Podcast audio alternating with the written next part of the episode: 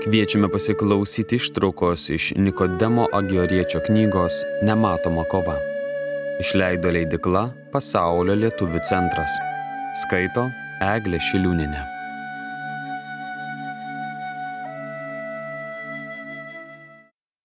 Vienuoliktas skyrius. Keli pasiūlymai, kaip pakreipti mūsų valią, kad ši norėtų patikti Dievui kad kuo sklandžiau galėtum savo valią kreipti taip, kad patiktum Dievui ir visą skirtumai jo garbiai, prisimink, jog prieš tai jis daug kartų ir įvairiais būdais pagerbė tave, parodydamas tau savo meilę. Jis sukūrė tave iš nieko pagal savo paveikslą ir panašumą, o visus kūrinius sukūrė tau pasitarnauti. Išlaisvino tave iš vergovės velniui, atsiūsdamas net ne angelą, o savo vienatinį sūnų, kad jis išpirktų tave ir ne už sudylantį auksą ar sidabrą, o neįkainojamų savo krauju bei mirtimi, kankinančią ir žeminančią. Po viso to, kiekvieną akimirką jis saugo tave nuo priešų, kaunasi už tave savo dieviškąją malonę, maitina tave mylimiausiojo savo sūnaus kūnu bei krauju. Visa tai yra didelės jo meilės ir pagarbos ženklas tau. Tokios didelės garbės, jog net sunku ir įsivaizduoti, kaip galingasis visagalis šią didžią pagarbą rodo ir išreiškia mums, tokiems menkiems bei nenaudingiems. Tad akivaizdu, kokią didžiulę pagarbą ir nuolankų atsidavimą turime išreikšti viešpačiui. Jeigu jau mums patarnaujantiems žemiškiems karaliams rodome išskirtinę pagarbą, dėkingumą bei paklusnumą, tai nepalyginamai stipriau, tai turime išreikšti mus neapsakomai mylinčiam ir beribį gėrį dovanojančiam Dievui. Taip pat visuomet reikia prisiminti, kad Dievo didybė savaime verta garbinimo, nusilenkimo ir nuoširdaus tarnavimo jai. Ciel, répand ta rosée, pleuvoir le juste.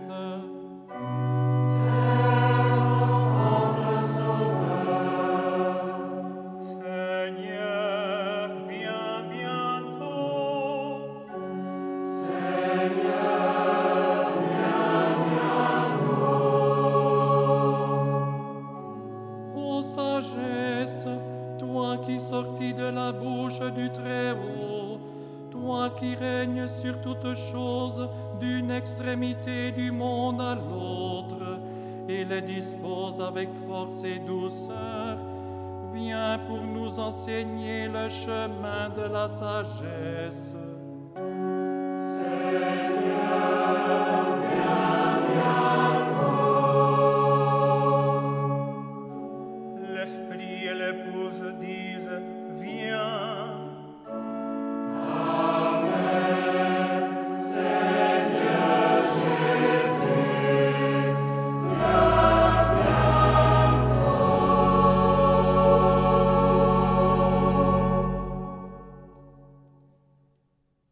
Dvyliktas skyrius.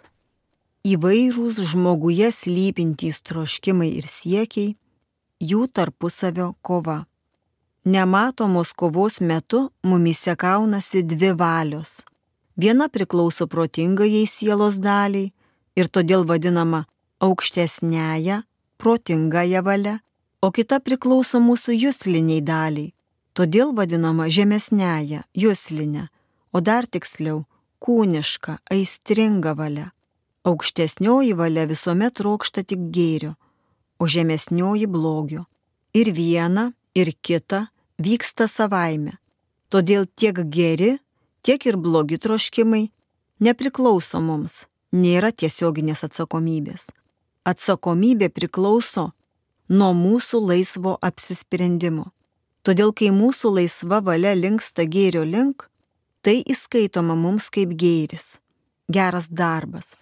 O kada linkstame blogo troškimo link, tai įskaitoma kaip blogis, blogas darbas. Šie troškimai lydi vienas kitą. Kai ateina geras troškimas, kaip mat prieš jį stoja blogas troškimas ir atvirkščiai. galime laisvai pasirinkti, ko seksime. Kurio troškimo link mūsų valia pakrypsta, tasai troškimas ir laimi. Štai čia ir yra visa nematomos dvasinės kovos esmė. Mūsų užduotis - laisvai neapsispręsti už žemiausios, kūniškos, aistringos valios troškimus, o visuomet pritarti aukštesniosios, protingos valios troškimams, nes tai ir yra Dievo valia, kuria sekti yra mūsų būties prasmė. Bijok Dievo ir laikykis jo įsakymų nes tai saisto visą žmoniją. Koheleto 12, skyrius 13 eilutė. Abiejų valių troškimai stengiasi mus užvaldyti.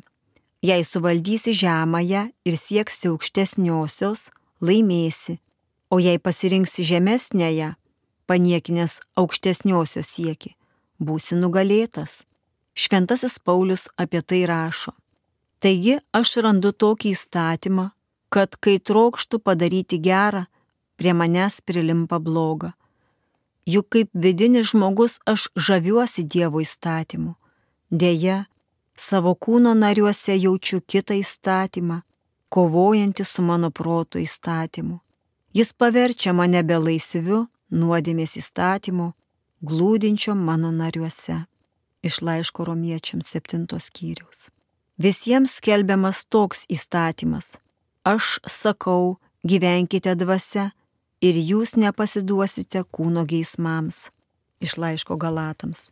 O šito be kovos su kūno aistromis pasiekti negalima.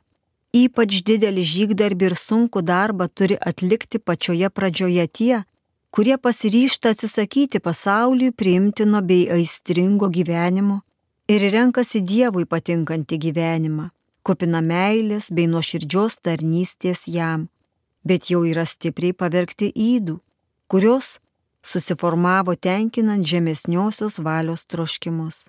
Iš vienos pusės jie jau trokšta gėrio ir Dievo malonės veikiami linksta Dievo valios link. Iš kitos pusės žemesniosios valios troškimai tam trukdo. Toks žmogus vis dar jaučia kūniškas aistras, jos nenori pasiduoti ir traukia žmogų į savo pusę su baise jėga tarsi gyvulys junga. Ir tik Dievo malonė padeda ištverti ir ištikimai laikytis numatytos krypties.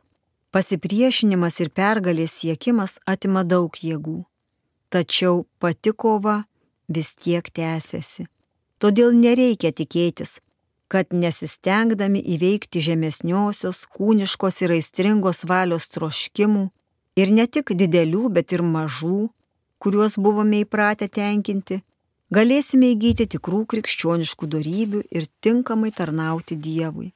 Būtent todėl, kad savigaila sustabdo ryštą ir troškimą versti save atsisakyti visko, kas iš esmės netinkama, taip mažai krikščionių pasiekia tobulumą. Svarbu pažymėti, kad asmenys sunkiai įveikia didelius aistringus polinkius nenori kovoti su mažais, kaip jiems atrodo, nevertais dėmesio. O jie ir yra tų didžiųjų aistringų polinkių užuomas gabiai maistas. Jie ir paliekami gyvuoti bei veikti širdyje, nors būna net labai nežymus. Todėl širdis lieka aistringa ir netyra, o svarbiausia, itin linkusi į savęs patenkinimą bei savigailą su labai abejotina intencija patikti Dievui. Pavyzdžiui, yra tokių žmonių, kurie nelinkia pasisavinti svetimo turto, bet pernelyg prisirišę prie savojo ir todėl iš vienos pusės labai pasitikė juo, iš kitos tampa šykštus labdarai, išmaldai ir pagalbai. Kiti žmonės, kad ir nesiekia garbės nedorais keliais, vis dėlto nėra jai abejingi ir dažnai trokšta, jog susidarytų galimybė ją pasimėgauti, tarytum prieš jų pačių valią. Kiti ilgai laikosi nurodytų pasninkų, bet leidžia savo valgyti daug ir saldžiai vėliau, o tai visiškai sunaikina pasninko vertę. Dar kiti gyvena skaiščiai, bet palaiko draugystę su jiems patinkančiais asmenimis ir pernelyg mėgaujasi bendravimu su jais. O tai irgi didžiulė kliūtis kelyje į tobulą dvasinį gyvenimą ir vienybę su Dievu. Taip pat svarbu atkreipti dėmesį į kai kurių asmenų neatidumą savo charakterio trūkumams, kurie nepriklauso nuo laisvos valios, bet vis tiek daro žmogų vertą teismo. Jeigu matydami, kokią žalą charakterio defektai daro dvasiniam augimui, žmonės ne tik nesirūpina visiškai jų sunaikinti, bet net nesistengia sumažinti šių trūkumų su Dievo malonės pagalba, vadinasi, jie nesipriešina savo charakterio įdoms ir dvasinėje kovoje neparodo reikiamo veržlumo. Tam priskirtinas užsisklendimas savyje, žmonių vengimas, umumas, greitas supykimas, lyguistas jautrumas ir iš to kylantys skuboti, neapgalvoti žodžiai, darbai, veiksmai, rūstumas, murmėjimas, užsispyrimas, ginčiai ir panašiai.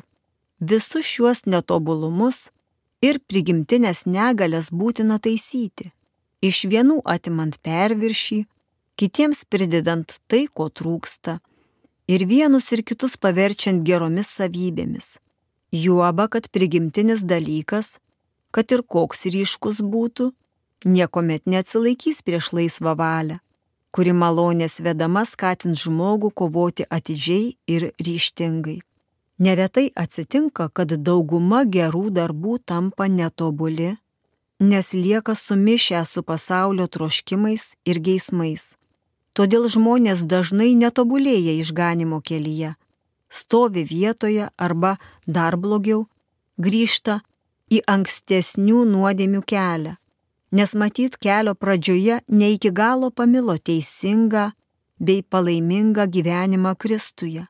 Taip pat neįgyjo didelio dėkingumo Dievui už visas malonės, ypač už išgelbėjimą iš velnio vergovės.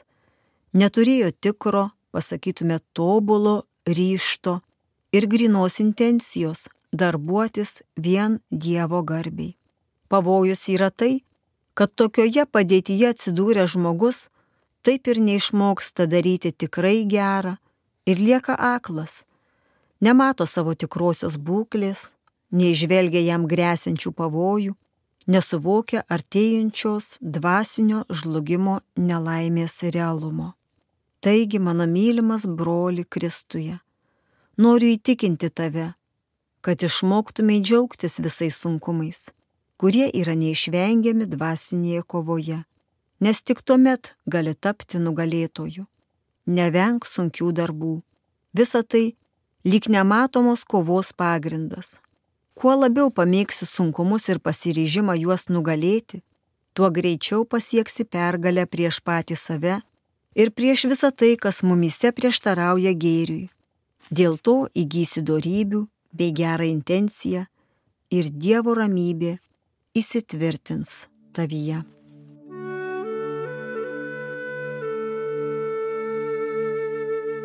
Girdėjome ištrauką iš Nikodemo Agioriečio knygos Nematoma kova.